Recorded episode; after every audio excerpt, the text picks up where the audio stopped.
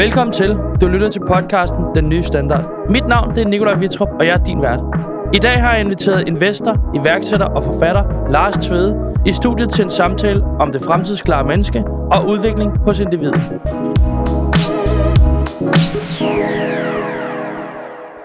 Velkommen til, Lars. Tak skal du have. Og tak, fordi du gad at lægge uh, turen forbi. Det er en, en fornøjelse. Dag i, en dag i København. Ja, Nå, jeg, jeg er jo også lidt nysgerrig, når, når der står den nye standard, øh, så må jeg lige høre, hvad det er. du passer i hvert fald øh, fantastisk ind. Det er kort en øh, framing om, øh, hvorfor vi fik lov til at få dig med. Det er jo fordi, du øh, er ved at udgive en ny bog, der hedder Fremtidsklar, som... Øh, hvis man ser med, så kan man se det på kameraet. øh, og den bliver udgivet her i øh, slutningen af september. Øh, og man kan sige, i forhold til vores research, der gik det jo relativt hurtigt op for os, at, at nu er du øh, relativt godt skåret til det, vi rigtig gerne vil. Nemlig at prøve at finde ud af, hvordan vi kan hjælpe de lidt yngre med at kigge ind i en fremtid og gøre dem mere klar til det. Både yngre og ældre i, i realitet. Men hvordan vi kan, kan både se på, hvordan kan vi gøre ledelse bedre, hvordan kan vi gøre mere fremtidsklar. Egentlig det ord, som du bruger, tror jeg, vi gerne vil benytte os af. Ja. Så, øh, så tusind tak, fordi du gad deltage. Lars, nu tænker jeg, øh, i starten, der skal vi jo altid lige have framet, hvem du er. Øh, de fleste vil jo kende dig som øh, aktiemand, og øh, hvis man har hørt Euroinvestor, så er du med tit der. Men hvis man nu skal sætte nogle ord på dig selv, hvad vil du så øh, bruge for nogle ord? Øh, jeg er jeg er selektiv introvert.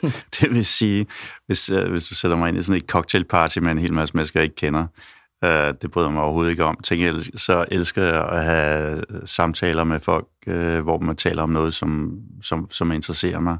Ja. Øh, jeg elsker at læse og reflektere. jeg kan godt lide at lave sport og være i naturen.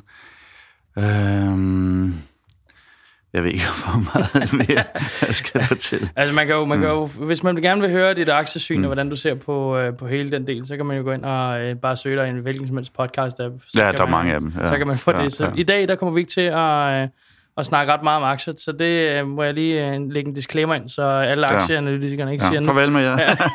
ja. tak for det. uh, da vi sad ude lige og havde en uh, introduktion, der havde du en anekdote omkring et fly, hvis man skulle beskrive dig. Uh, kan du ikke prøve at Kom med den en gang til. Nej, det var, det var jo fordi, du spurgte ind til aktiemarkedet faktisk.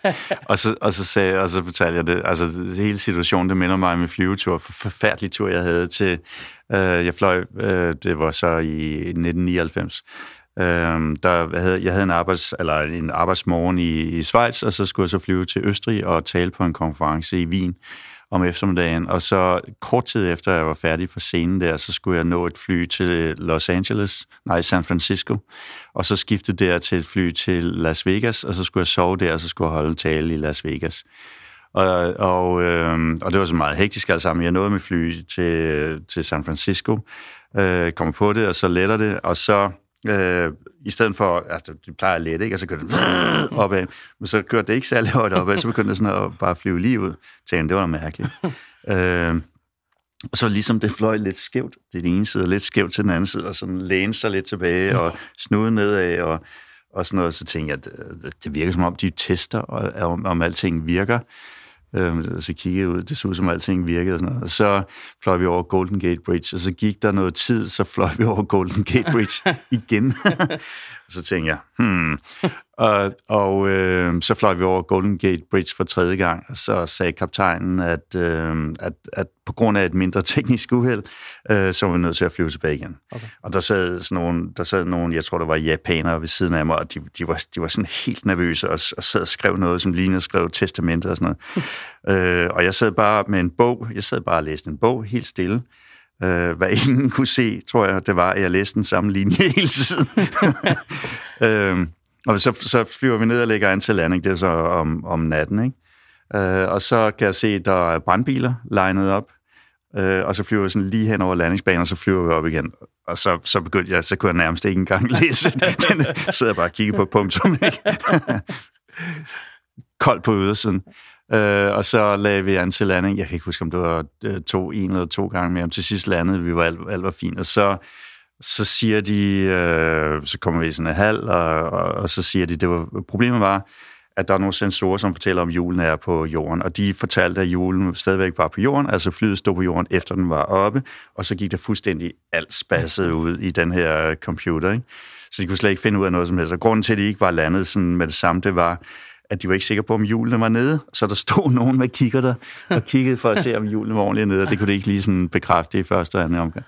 Men, men øh, det, jeg var ved at sige til dig derude, det var, at, at, at det, der, det, der skete med nationaløkonomi og finansmarkeder med covid, med de der pludselig lockdown, øh, hvor man egentlig sender øh, altså øh, gør noget, som normalt ville sende markedet og økonomien ind i en dyb depression.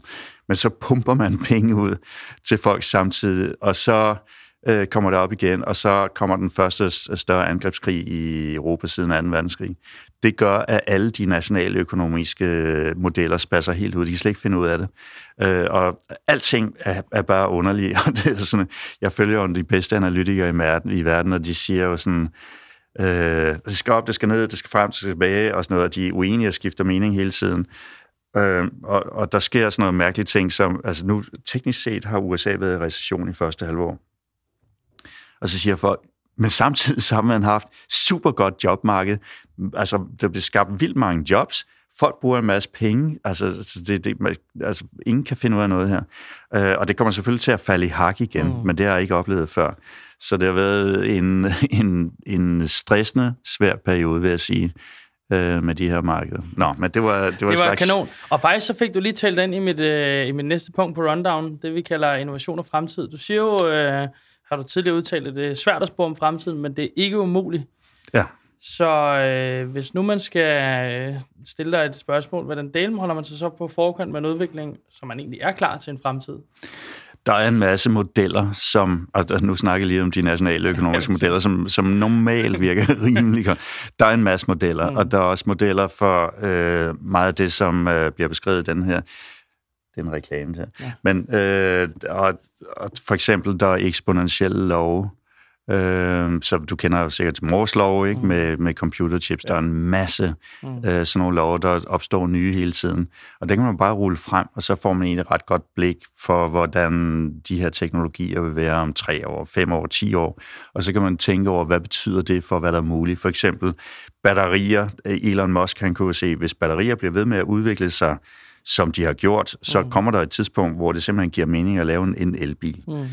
Øh, der er noget, der hedder vertical farming, hvor man har landbrug inde i sådan nogle lukkede huse med LED-lys. Hvor det går opad. Ja, det er også drevet af blandt andet af sådan en eksponentiel lov. Det er i LED-lys, de bliver forbedret helt vildt eksponentielt, og det er de blevet lang tid. Ikke? Så folk kan bare kunne se, øh, på et eller andet tidspunkt, så er det så godt, så, så man kan lave indendørs landbrug i stedet for osv. Så det er noget af det. Men der er også nogle andre lovmæssigheder, som for eksempel når øh, gennemsnitsindkomsten i et land når til et vist niveau, så holder folk op med at få så mange børn. Så lige pludselig så, så falder det helt vildt, hvor mange børn de har. Øh, og, det, og det gælder i alle kulturer, alle lande, at øh, det kan man regne med. Og alt muligt andet. Og så det vil sige, hvis nu man skal forbedre sin evne til at kigge ind i fremtiden, er det så bare at købe båden, Lars, eller skal man... Ja. hvordan, hvordan kom du selv ind i det? Hvad, hvad, begyndte du bare at læse alt, hvad du kunne omkring det, eller hvor startede det for dig? Altså, jeg vil, jeg vil helt klart sige, med, med rigtig meget øh, indlæring, så gælder det, der virker godt, synes jeg, det er at lære noget om principperne i det, men så også øh, øve sig rigtig meget på praksis. Mm. Og en af de metoder, jeg har brugt til at øve mig på praksis, det er, at jeg abonneret på The Economist, et, et, et, et sådan ret øh, højpandet blad om, om økonomi og politik og så videre, siden jeg var 18 år. Øh, så der, der læser jeg jo så vildt meget om, hvad der rent faktisk sker ude i verden, men så kan jeg jo hele tiden sammenligne det med de modeller, jeg har. Øh, plus at investere er jo også noget, som, man, øh, som gør, at man lærer virkelig meget, ikke kun om investering, men også om politik og markeder, fordi man er jo nødt til at prøve at forstå det hele. Præcis. Ellers så tager man bare penge lige ja. Det er ikke så sjovt. Vil jeg sige. Det var, startede jeg lige oppe, og så gik det ned. Det var dem for aktier i dag. Det var derfor, vi gider snakke om aktier, det går, fordi det ikke går så godt. Lars, øh, I har skrevet en ny bog, der hedder Fremtidsklar. Øh, og hvis I lige skal zoome lidt ned i øh, nogle af dem, så er øh, noget af det, som øh, jeg synes var ret spændende at begynde at kigge ind i, det var det, der hedder et fixed og growth mindset, som du kalder det. Vil du ikke prøve at øh, beskrive lidt ind i, øh, hvad dine tanker er om det? Ja, det, det, er, det er en super vigtig sondring, som jeg ville have ønsket, at jeg kendte til, da jeg faktisk var ret ung.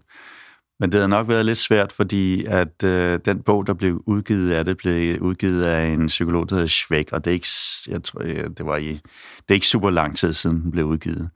Øh, det var i hvert fald øh, lang tid efter, jeg var ung. Mm. Øh, men, der, men der står noget om, Schweck, hun havde så arbejdet med at analysere, hvordan folk klarer sig gennem livet. Det er noget, der hedder positiv psykologi, når man mm. kigger på folk, som ikke egentlig har en psykologisk sygdom, men hvordan klarer man sig gennem livet. Og så har hun så fundet sådan en meget stor forskel mellem folk, der klarer sig godt, og folk, der klarer sig dårligt. Og det er det her uh, growth mindset eller fixed mindset. Så øh, hvis vi starter med fixed mindset, så øh, er det en antagelse om, at ting er givet. Mm. Og det vil sige, at, at hvor man er født, øh, hvordan man ser ud osv., det er noget, der er givet. Og øh, det, det, det kan man ikke rigtig ændre, og det er jo aldrig perfekt, og nogle gange synes man det ikke det er særlig mm. godt. Og så føler man, at man er et offer, og så skal man øh, ligesom have andre til at hjælpe sig, og øh, måske også bebrejde nogle andre for, at det går dem bedre og sådan noget. Øh, og folk, som har fixed mindset, de vil meget ofte, fordi de ikke tror, at de kan forbedre sig, så vil de prøve at fremstille det, de nu er, som, som, øh, som måske lidt bedre end det er. Så de, de prøver at undgå at tage chancer, mm. fordi hvis man tager chancer og presser sig selv, som jeg, jeg ved, øh, eller gætter på, at du har gjort rigtig mange gange, yep. at når man presser sig selv og tager chancer, så går det nogle gange galt, og så ser man, så ligner man en klovn. Ikke? Præcis. Og hvis man har fixed mindset, så, så prøver man at undgå det. Og, øh, og til gengæld så øh, dyrker man øh, andres fejl. Øh, så altså, det er sådan, de folk med mm. fixed mindset, de ligger på nettet ikke, og brokker sig over andre mennesker, som uh, et eller andet er gået mm. galt. Det mest ekstreme, det er måske de der, der findes nogle sladderblade, øh, hvor det er sådan noget med øh, den kæt skuespiller inde. Her er et billede mm. af hendes sko, eller hun er, få, hun, hun er blevet lidt tyk, kan I mm. se her, eller der er noget galt med mandens hår, eller sådan noget lignende. Og så de fryder sig over, over de her folk, som ellers har succes, at, at, at et eller andet er gået ja, galt. Ikke? Øh, eller, eller bare sidder hele dagen og brokker sig over, over andre menneskers øh, fejl. Ikke? Er det det, man kan kalde øh, i NLP, da jeg læste det, der var yngre, der var der noget, der hed en offerrolle. Er det det, man kan ja. øh, betegne en smule som? Ja, men det her, øh, hendes bog med, med, med growth mindset og fixed mindset, den kan passes ind i nogle andre modeller, som ja. måske også kan slakke lidt op. Så hvis vi så kommer til det modsatte mm-hmm. af fixed mindset, og jeg skal også lige sige, at fixed mindset, det er jo også den holdning, at øh, i og med, at alt er givet, så er der en, der, altså, der er en samfundskage, mm. der er en vis mængde penge, ja. og øh, det er bare det, der er og så gælder det bare om, at den skal fordeles lige til alt, okay. til alle. Hvor i growth mindset, så siger man, at det er ikke en kage, det er et bageri. Mm. Og det vil sige, at hvis nogle mennesker, de arbejder mere, så, så gør de faktisk, at der bliver flere kager, så, så de skaber noget mere, og det er derfor, de også kan få noget mere. Nå, men i growth mindset, øh, der antager man, at man kan forme sig selv. Og øh, jeg kender en historie om en... Øh, en dreng, som var født, øh, jeg tror det var tre måneder for, for tidligt, og det var sådan virkelig, virkelig tvivlsomt, om han ville overleve og lå i kuvøse, ikke? og man troede hver dag, han ville dø, og, men han overlevede så, øh, man blev det, man i gamle dage kaldte et svag barn. Mm. Øh, en, en splice, en forhudlet splice, og kunne ikke rigtig gå i skole, og sad derhjemme og spiste junk food og spillede computerspil. Øh, og så var der en, en pige, som kom og passede ham, og så en dag, så kunne pigen ikke komme, så sendte hun sin kæreste. Mm. Øh, kæresten, han var så øh, Danmarksmester i styrkeløft. altså et kæmpe muskelbund. Ja. Og så kigger han på den her dreng, og så siger han, øh, vi skal da have lært dig at lave noget sport og, og spise bedre. Øh, og så, så sker der et eller andet inde i hovedet på den her lille dreng, øh, at han bare tænker, ham der, han vil gerne være ligesom ham. Mm.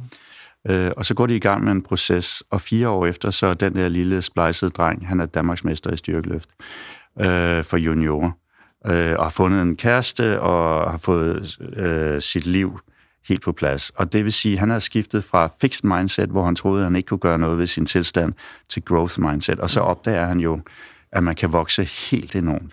Og det er jo ikke, altså nogle gange så hører man sådan nogle motivational speakers, som, som siger, you can become everything, anything you want. Mm. Og det kan man jo ikke. Altså, jeg, øh, jeg kan ikke blive verdensmester i svømning, fordi mine ben er for små, eller, eller eller andet.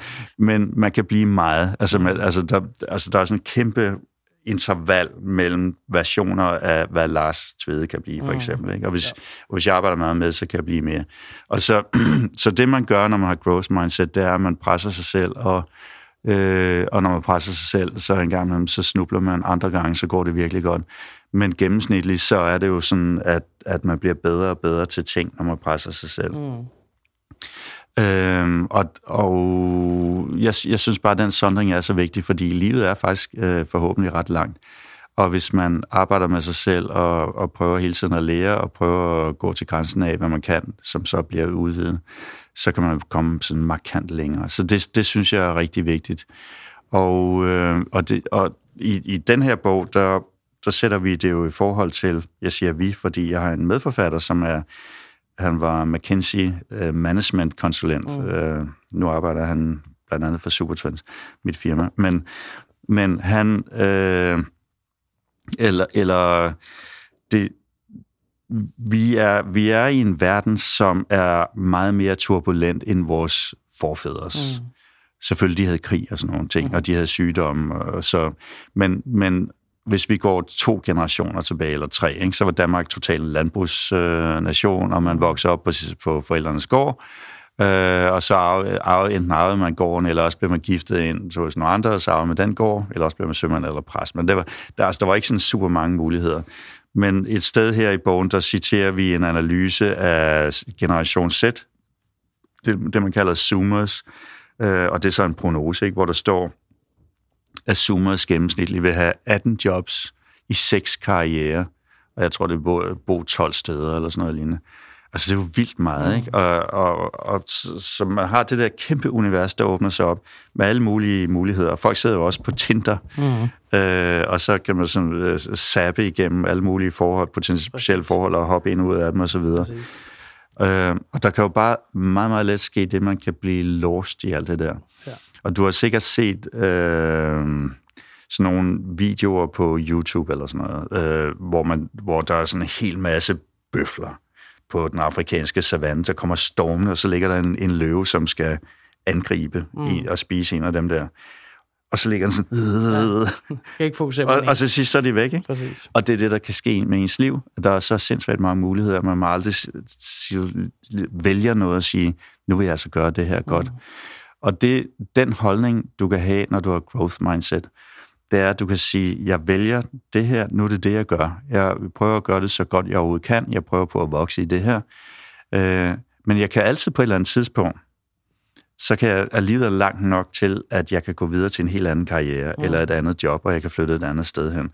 Men nu skal jeg fokusere på det her. Og det, det der med at fokusere er også rigtig vigtigt. Nu snakkede jeg tidligere om de der mennesker, som sidder og bruger hele deres dag på at skælde ud over andre mennesker på internettet. Ikke? Mm. Altså det, det er for mig sådan den ultimative taber øh, optræden. Øh, men der er noget, der hedder øh, kontrolfokus, locus of øh, control hedder det på mm. engelsk. Og det er at øh, fokusere på det, man kan påvirke. Ja.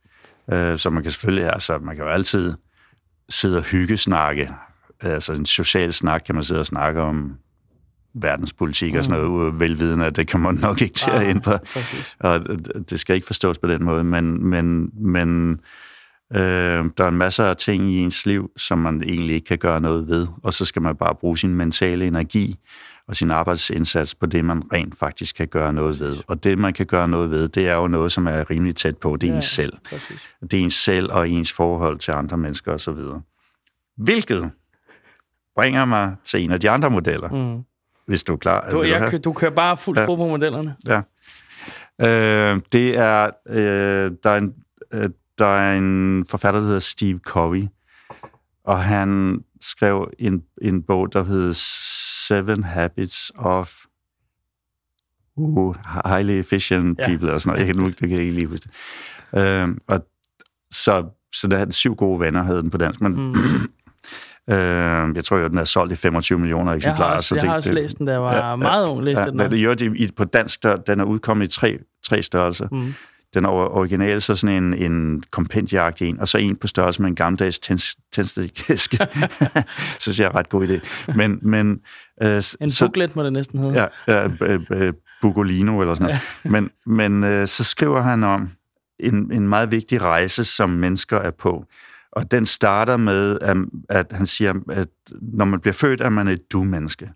Og dermed der mener han, at man er et totalt afhængighedsforhold af nogle mm. andre, nemlig sine forældre forhåbentlig.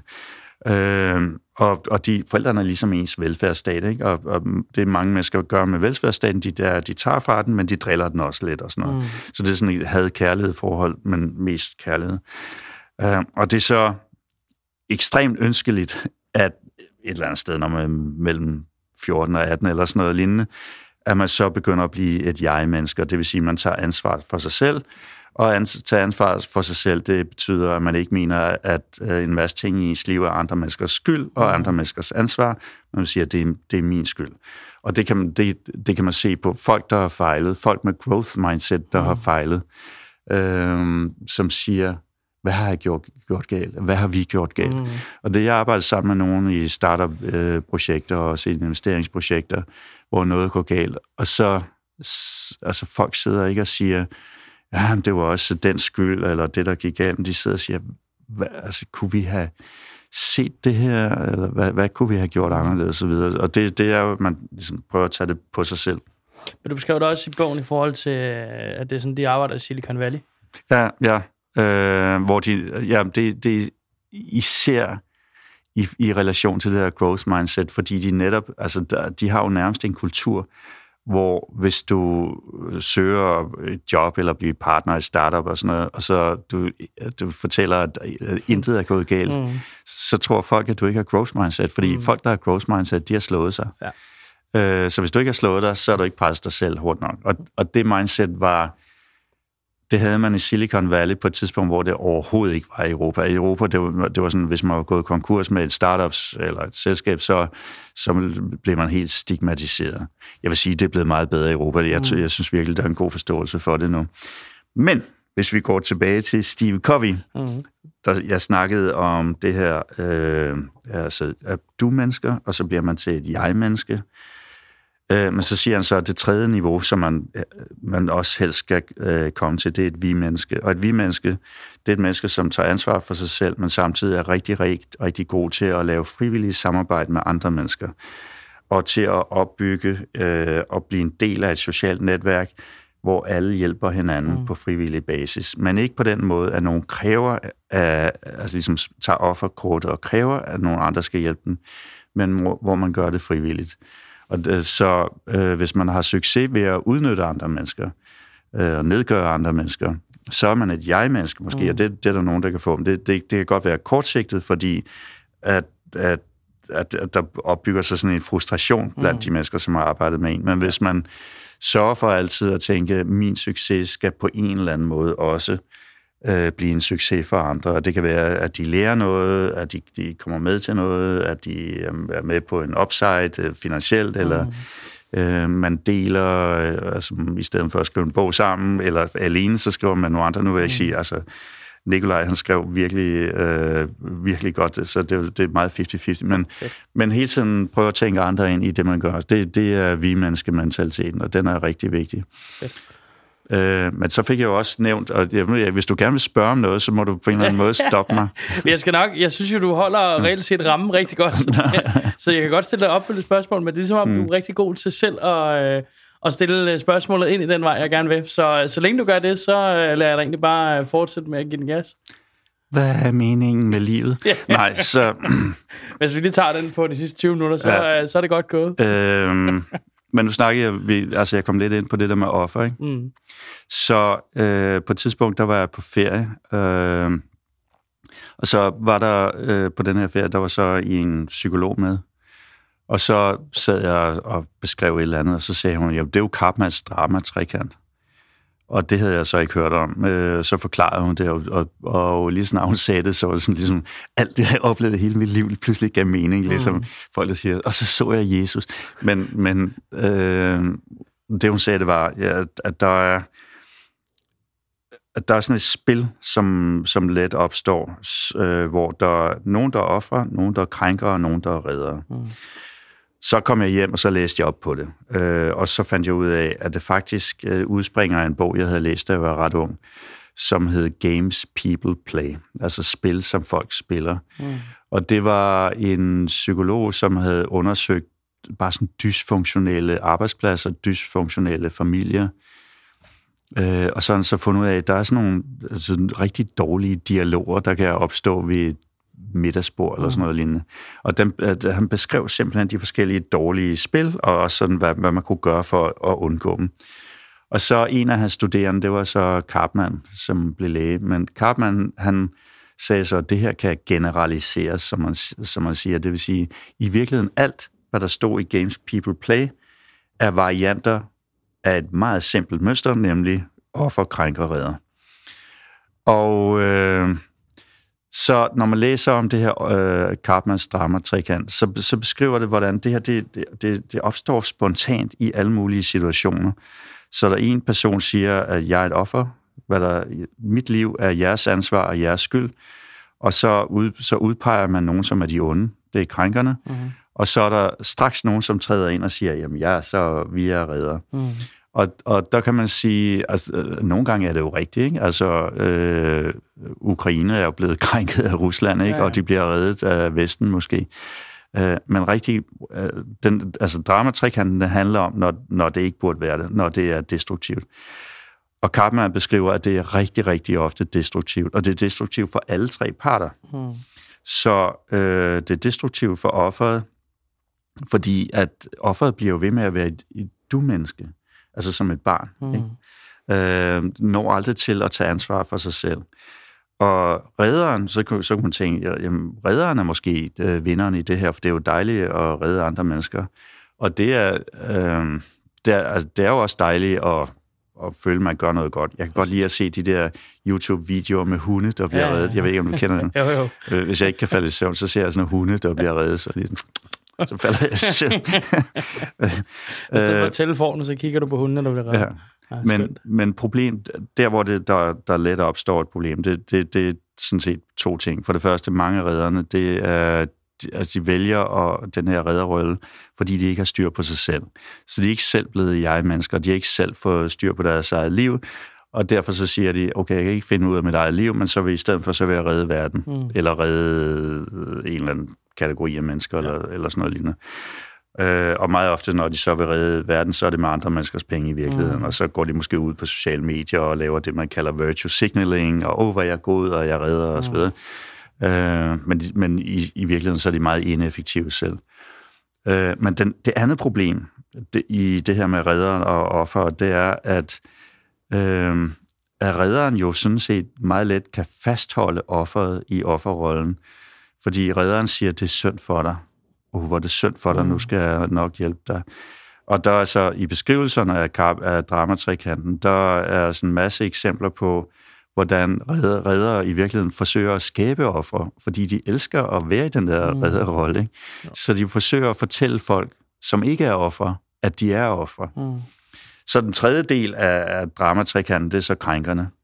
Og øh, altså krænkerne jo, kan jo være alt muligt med himmel og jord. Det, er, jøderne har jo haft øh, rollen som, øh, som yndlings, altså de mm. ud, udpegede krænker. Ikke? Det ja. kan være bankfolk, det kan være alt muligt. Øh, folk har en anden race eller hvad som helst. Og det er jo bare ikke særlig sjovt at være udpeget som krænker, fordi ja. så går folk rundt og, og hader en. Så løsningen, det er simpelthen, hvis man er fanget i det der, og så bare sige, jeg gider ikke spille det spil. Mm. Jeg øh, tager ansvar for mig selv, jeg laver frivilligt samarbejde, men jeg, ikke, øh, jeg deltager ikke i det. Og så hvis man gør det, så vil, så vil folk ofte sige, at man er stukket af. Øh, og blive, altså, de bliver alle sammen sure på en, hvis man træder ud af det der. Mm.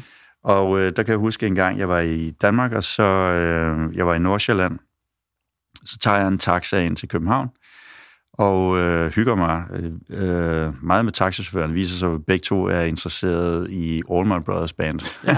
Som er sådan noget. Kender du dem? Nej. Nå, det er sådan noget psyke- psykedelisk jam-musik med sådan noget. Øh, sådan lidt hårdt, men øh, var sådan Den har jeg så god. ja, 20 minutter lange numre, hvor de bare Okay. jammer. sådan. Nå, men det sad vi og hyggesnakkede om og sådan noget.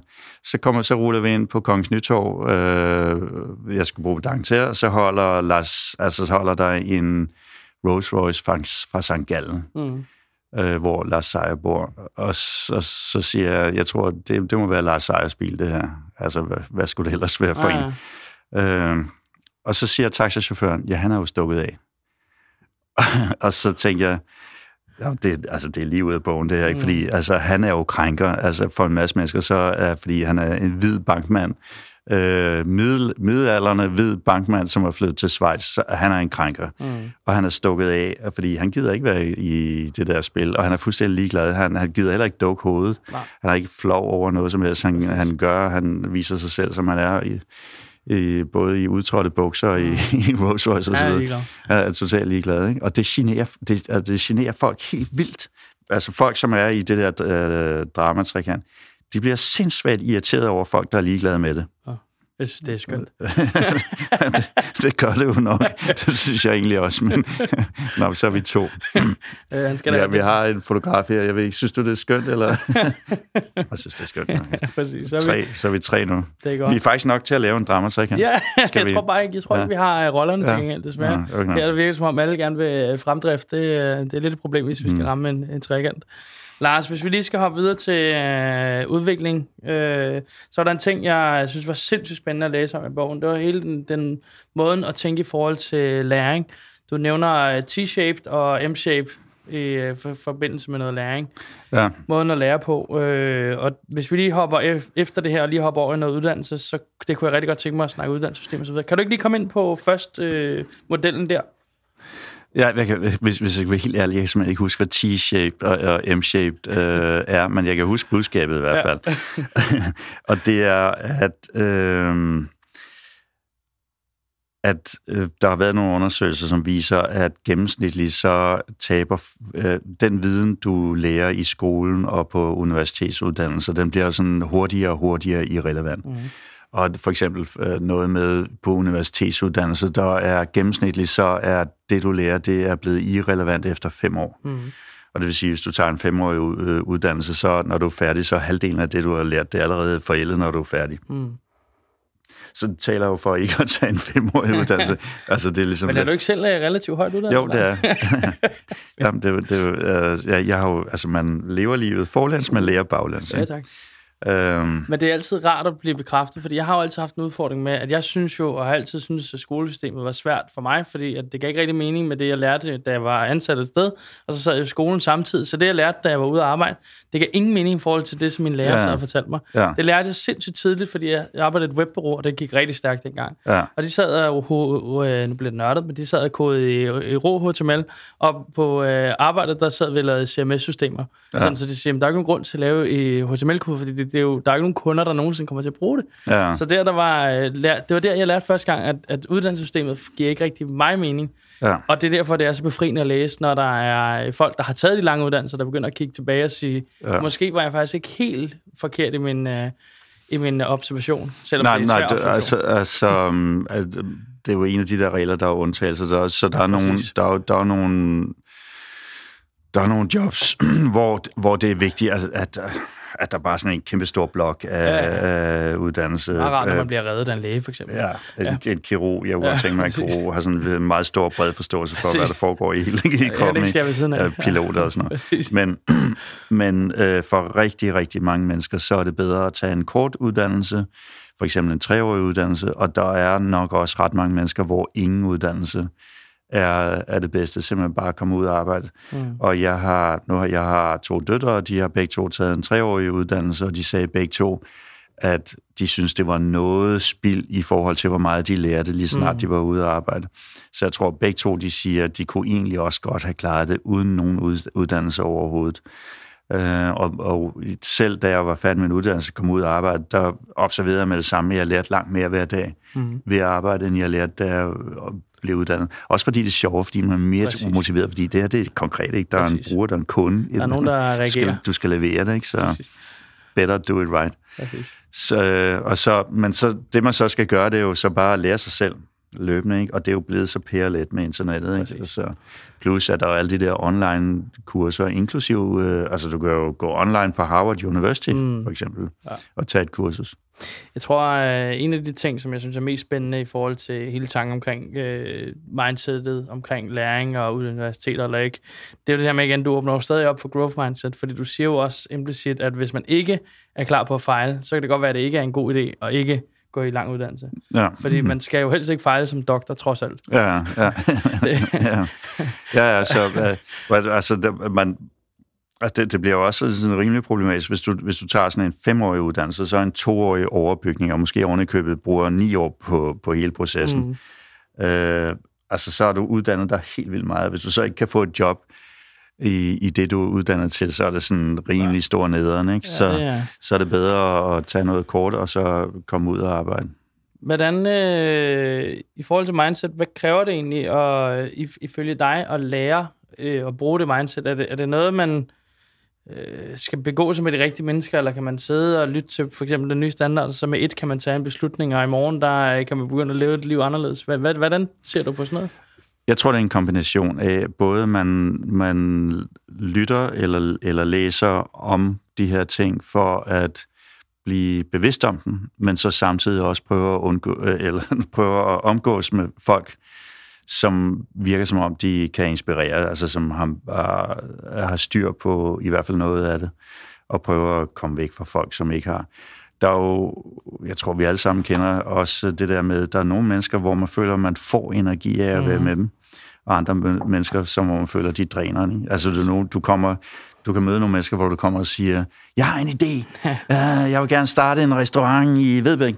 Og så er der nogen, der vil sige, det kommer aldrig til at Nej, gå. det kan du ikke. Det kan du ikke. Og, sådan, og så, og der er rigeligt med restauranter. Og så, og så, så er der nogle andre, der, der måske sige, øh, hvorfor starter du ikke i Holte? Der er, der, et eller andet, der, der er en eller anden nogle gode grunde til det, og har du tænkt på at lave til en jazzrestaurant? Eller, er. Eller sådan Nogen, der vil udvikle med dig. Ja, der vil, dig, der vil dig det godt tænker, øh, en af de ting, som i forhold til udvikling, det er jo også det her med, hvordan får man, får man sat en mental øh, ramme op, så man undgår alle de der barriere, der står i vejen for en udvikling. Har du nogle tanker i forhold til det? Altså, øh, hvordan får man lavet et mindset, hvor man hele tiden udvikler sig? Hvad, hvad gør du selv, eller hvad har du selv gjort? Altså, jeg har aldrig haft nogen øh, karriereplan eller livsplan, men jeg, jeg, har, jeg, har, jeg har haft sådan nogle sådan visioner om, et liv, jeg godt kunne tænke mig. Øh, men, men, men, men det er sådan på ret overordnet plan, hvor jeg forestiller mig en dag i mit liv, mm. i en gang i fremtiden. Men sådan rent taktisk, hvordan jeg kommer derhen, har jeg, det har jeg ikke haft en plan for. Så det, i virkeligheden så har det været ekstremt drevet af at være sammen med mennesker, som inspirerer mig, fordi så kommer de bare med idéer. Præcis. Skal vi ikke gøre det? Jeg kender en, som gør det. Mm. Vil du være med på den? Og så videre. Ikke? Øh, og det kræver så, at man på en eller anden måde også selv øh, inspirerer andre mennesker. Det er det der med at være vi mennesker. Man giver en masse idéer, så får man en masse idéer, så pludselig så finder man bare ud af, at man er involveret i noget, mm. som måske går godt. Fedt. Lars, det er, det er fantastisk at høre den tanke. Lars, i forhold til uddannelse, jeg vil gerne lige få en krølle mere på det, fordi øh, du har jo bevæget dig meget med, altså jeg tænker, de gulve, du bevæger dig på oftest, er jo langtidsuddannede og så videre. Folk, der har lange, tunge uddannelser med modeller og så videre. At, altså kan man godt, hvis nu man gerne vil den vej ind, og være ligesom dig, og øh, først starte, nu snakker vi jo på vores allerførste kald, der snakker vi faktisk om marketing, det har du også lavet en del af. Ja. Så, så hvordan kan man gå, hvor, hvor, hvis du skulle starte i dag forfra, hvor vil du så starte? Vil du starte med lang, altså de tre år uddannelse, og så gå ud og få et job, lære, eller vil, hvad vil du gøre, hvis du skulle, uh, skulle prøve ja, igen ja, øh, i den moderne verden? På en eller anden måde, så, så må jeg også sige, at, at tiderne var noget anderledes, øh, da jeg var der, fordi at at der var meget mere øh, uddannelsesnopperi dengang, mm. så det, det ville nok have været... Altså, det, jeg foreslår at gøre, det er lettere at gøre nu, end det var dengang. Ja. Der er meget større accept af det. Uh, men jeg synes, det første, man skal gøre, det er at, at, at få lavet nogle selvtests, og der er masser af dem gratis på internettet. Der er også nogle, man kan købe. Øh, og der er også nogle uddannelsesskoler eller institutioner og skoler, som, som giver det. For eksempel der, hvor mine børn gik, der fik de noget, der hedder en Morrisbys-test, som er sådan en meget omfattende personlighedsanalyse, øh, da, de var, da de nærmede sig afslutningen på mm. gymnasiet. Og så øh, og, der, og den kom med sådan øh, dybt øh, detaljeret analyse af, hvordan de var og tænkte osv., og, så med en masse forslag til uddannelse og, og jobs. Men da jeg var 18-17 år øh, og skulle vælge, hvor, hvad jeg så skulle gøre, der, der kendte jeg slet ikke mig selv, og jeg havde, jeg totalt forkert opfattelse mm. af, hvad mine talenter var, hvad jeg ville trives med osv. Så, så derfor valgte jeg den forkerte uddannelse, øh, som dog havde noget godt i sig. Øh, så det, det er det første. Så, så for de fleste, men for, ikke for alle, så vil jeg altså så for, foreslå, at man tager sådan en relativt kort og hurtig uddannelse, mm. og så kommer i gang. Og jeg vil prioritere, øh, prøve at blive færdig med hele uddannelsesforløbet, når man er sådan omkring senest 21 år, og så komme ud. Og der, der er jo stadigvæk mange, af en eller anden grund, specielt i Folketinget, som er blevet færdige med deres mm. uddannelse, når de er sådan 29, 30, 31. og det der tænker jeg, okay, så de altså, kommer, altså, kommer slet ikke ud og mærker, hvordan livet er. Jeg bliver også nødt til at sige, fordi for mig selv har jeg jo, jeg har mærket, jeg startede som selvstændig, jeg var 23. Mm. I forhold til risiko er der jo også noget rart i forhold til at være ung. Ja, ja. Altså, økonomi, ikke... økonomi for det første, du har næsten ikke brug for ret mange penge. Det vil ja, ja. sige, du kan leve på en sten i rigtig mange år, før du kan finde dig selv og finde ud af, hvad du er god til. Ja. Det vil sige, det der med at komme ud øh, tidligt, det kan jeg kun øh, være enig i, for jeg var færdig, jeg var 21, øh, tror jeg også. Ja. Og der, jeg har aldrig set mig tilbage. Så jeg har så taget uddannelse, NLP-uddannelse og sådan noget, men det har jeg taget ved siden af mit arbejde efterfølgende, fordi jeg synes, det var spændende. Ja. Ikke så meget omkring, at jeg skulle bruge det til noget, det var bare, fordi jeg synes, menneskelig psykologi er nok det mest interessante, der findes, synes jeg. Og det er jo også, altså det der med at tage risiko hurtigt, ikke? Det, altså, nu, nu fik det jo lige sagt det. Øhm, altså, det er jo også lig, ligesom det er risikabelt at bruge sindssygt lang tid på at tage sin uddannelse, og så håbe på, at man kan få et job baseret mm. på den uddannelse. Så er det også risikabelt, hvis man siger, at jeg vil gerne starte øh, altså som selvstændig, eller, eller, eller prøve et eller andet, som er lidt vildt. Øh, måske at blive skuespiller inden, mm. øh, som måske er super svært. Ikke? Øh, i stedet for at forberede sig, forberede sig, forberede sig endeløst, så prøv, ligesom, prøv, prøv tidligt. Mm. Fordi du kan altid, hvis det kikser, så er du stadigvæk ung, Øh, du har stadigvæk det det. masser og masser af mulighed for at gå nogle andre veje. Og du har ikke et dyrt huslån ja, og alle mulige andre ting, ja. du skal Ja, du har ikke huslån, du har ikke øh, børn med forpligtelser, du skal ikke købe mælk til dine børn og sådan noget. det er det. Jeg har godt nok lavet meget pasta i starten, det første halvandet år, du var langt, men uh, så er det det. Det er sjovere nu. Skal vi ikke bevæge os lidt over i bagsiden af medaljen? Nu sagde jeg jo ikke så meget aktier i dag, men hvis jeg skal på en eller anden måde få dig til at reflektere over en nuværende bagside af medaljen, så er du meget, meget, meget kendt ved at kalde dig investor, og lige nu, øh, nu snakker vi om det på vejen, at du oplever nedgang i den ene og optur i den anden, men igen, i forhold til det, vi har snakket om de sidste 40 minutter, så er det, det primære fokus er jo negativt. Det er ikke, at det går godt med Lars, det er, at øh, nu er han ja, endelig, ja. nu fik vi ham. Ja, ja. kan du ikke prøve at beskrive lidt øh, omkring den modvind, hvordan, hvordan du selv arbejder med den? Øhm, jo, altså, jeg har jo oplevet temmelig mange opture og nedture som investor. Det største optur, jeg har oplevet, det det var i lige omkring 2000-2001, der, øh, der havde jeg i, i sådan, i, arbejdet meget ved startup, så jeg ikke investeret så meget. Og så fik jeg lyst til at investere igen, og så tænkte jeg, ligesom, har jeg det i mig, og så videre. Øh, og så startede lidt forsigtigt, og så, så, så sidder jeg og læser, dengang der læste man sådan trygte aviser mere, end man gør i dag. så, så sad jeg og læste øh, omkring overskiftet Wall Street Journal, så på bagsiden, der var sådan en, en lille en rubrik med øh, consensus forward price earnings for forskellige aktiemarkeder. Det betyder egentlig, hvor meget koster aktierne i forhold til, mm. hvor meget virksomheden ja. tjener. Og det, det var sådan allerhøjst, der havde du Japan, som var sindssygt dyrt, og så allernederst, der var Rusland. Og der stod, at en aktie kostede 2 kroner for hver 1 krone, selskabet tjente på et år. Okay. Så tænkte jeg, hold da. Og så besluttede mig til at købe, øh, investere meget i Rusland, så jeg kaldte simpelthen mit firma for Beluga, fordi jeg, jeg tænkte, at det her det var det den største mulighed, jeg nogensinde havde set. Og så stak det helt af. Faktisk, øh, det var begyndt at, at køre op af før det, så, så de blev, aktierne blev 56 dobblet på 10 år. Og jeg var så med i sådan en pænt stor del af det. Øh, så, så det var helt vildt godt, og så spredte jeg mig ud på alle mulige emerging markets og, og alt muligt andet. Så jeg investerede 20.000 svejserfang i det selskab, og det er egentlig fortalt, betalt hele min forbrug de sidste 30 år. alle de penge, jeg sendte for det. Nå, så, øh, og nu kommer så en god historie mere, så kommer der så en dårlig historie, det lover jeg dig. Ja. Så det næste, det var, at øh, jeg, jeg var med til at stille, stifte det her venture-selskab, der hedder Nordic Eye, som investerede i startup, og... Øh, det er, så, det, så de første investorer kom ind med 17 millioner euros i øh, uh, 2016, og så kom der så yderligere øh, uh, 33 millioner i 2017. Så dem, der kom ind med det første, de har tjent over 800 procent. Øh, altså noget, de har fået over deres penge tilbage, men derudover så den, den, uh, den reviderede værdi af de eksisterende selskaber mm. gør, at de ligger til, og det er jo, jeg er en af dem selv, ligger til at tjene omkring 800 procent. Og så dem, der kommer ind året efter til, ligger til godt 700 procent. Så det, så det er gået helt vildt godt, og så er man sådan helt. Ikke? Så, så medstiftede jeg så en hedgefond øh, her sidste år, og øh, og det tog enormt lang tid at få godkendelsen. Det tog et år, så da vi endelig havde fået godkendelsen, så toppede markedet lige der. Øh, og jeg synes egentlig, der var sådan en rimelig god basis for, at der var forskellige trends, der skulle starte.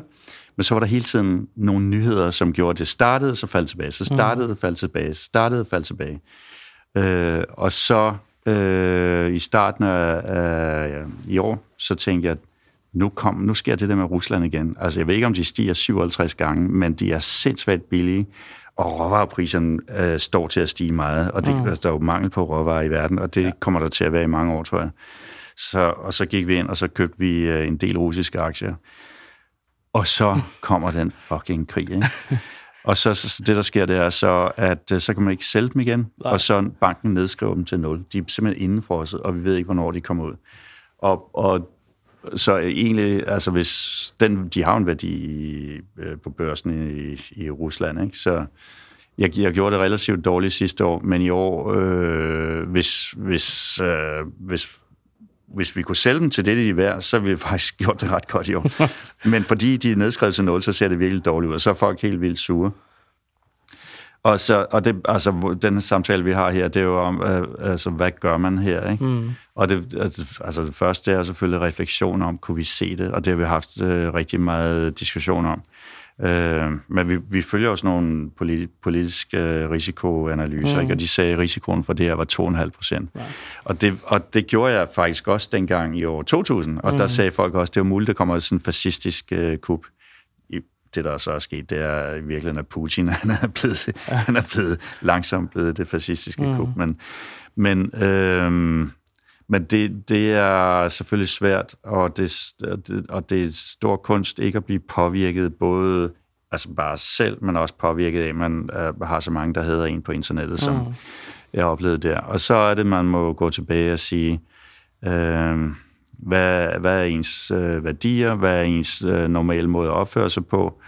Og så øh, lade som om, at øh, problemet ikke er der, men investere som om, at øh, det er bare nye penge hver dag, og bare træffe beslutninger ud fra hvis jeg ikke havde nogen investeringer nu, mm. hvad ville jeg, ville jeg så gøre?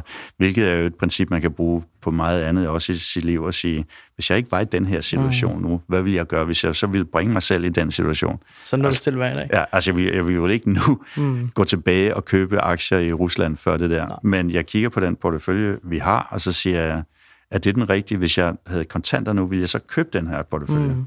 Og så er svaret, det er, at det vil jeg gøre. Og så må jeg bare, fordi at, at der er total malfunction på alle systemer, så må jeg bare sidde med det. Det er sådan en kerneposition. Mm. Når jeg synes, at, at øh, økonomien begynder at falde i hak og begynder at opføre mm. sig mere normalt og forudsigeligt, så kan man skrue op for investeringerne. Hvad har du gjort selv for at i gå så en rejse dig, efter øh, at du har fået haft et år hvor lidt modvind? Har du så noget, som du har kigget ind i? Har det været igen tilbage til det, du var god til? For nu sagde du der med nulstil hver dag. Det er jo en af ja, ja, det er... Altså, jeg har, jeg har jo prøvet før at slå mig på finansielle markeder. Øh, for eksempel i 86, der kom sådan en kæmpe korrektion, jeg ikke så. Øh, det, det, jeg så gør, det er, at jeg, jeg kigger på, hvad det er værd. Øh, og så siger jeg, okay, det her, det, det er meget, det er billigt, værdifuldt, jeg gør ikke rigtig noget nu. Og så sidder jeg bare med det fordi jeg ved, at på sigt, så det, at det er så billigt, det, det med meget stor sandsynlighed vil gøre, at det kommer op igen. Mm. Så det er egentlig bare sådan øh, lidt hænderne. hænderne øh. Så bruger du lidt tid på at gå i podcast og lave lidt øh, ja. content et års tid, og så tænker ja, lige på Og så, jeg laver øh, øh, daglig mental pleje. Der er nogen, der laver yoga mm. og, og alt muligt andet. Det gør jeg ikke, men jeg træner. Og øh, sports, det virker utrolig godt for mig. Altså prøve at komme ud i naturen og se solen, fordi det gør, at jeg sover bedre. Mm. Og så sagde du, øh, inden vi gik på, at øh, du har to øh, bosteder. Et, så har du verdens flotteste sø at kigge på om sommeren, og så når det bliver lidt koldere, så kan du gå op i Vabia Ja. og stå på ski. Det er også et ret godt mentalt råd, vil jeg sige. Jeg Ja, tror ikke, det- det er alle, der kan følge det godt nok. Nej, selvfølgelig ikke. øh, men at komme ud i naturen, det, Præcis. det, det er også mere eller mindre... Altså, hvis, hvis man bor i Storby og en sort vinter, så er det, er det ikke så, så nemt. Men, men det kan, jeg kan komme ud i naturen, og det er meget vigtigt øh, at komme ud hver dag. Fedt. Lars, en øh, krølle på vores øh, snak i dag. Skal vi ikke prøve at snakke lidt, øh, hvis du skal sige, hvad tror du fremtiden bringer for dig? Er det, øh, ja, hvad, hvad, hvis, hvis jeg åbner spørgsmålet så meget, hvad, hvad tænker du så? Jeg ved det, jeg ved det faktisk ikke. Det, jeg håber på, det er øh, en masse arbejde, som er intellektu- intellektuelt stimulerende, og så en masse gode oplevelser med mennesker, som jeg bryder om, altså som jeg, jeg holder af at være sammen med, og det er både familie, kæreste, forretningsforbindelser, øh, bruge rigtig meget tid med, med mennesker, som virkelig er dejlige at være med. Så folk, der giver dig energi. Ja, Fantastisk. Lars, tusind tak, fordi du gad at kigge forbi den nye standard. det var en fornøjelse.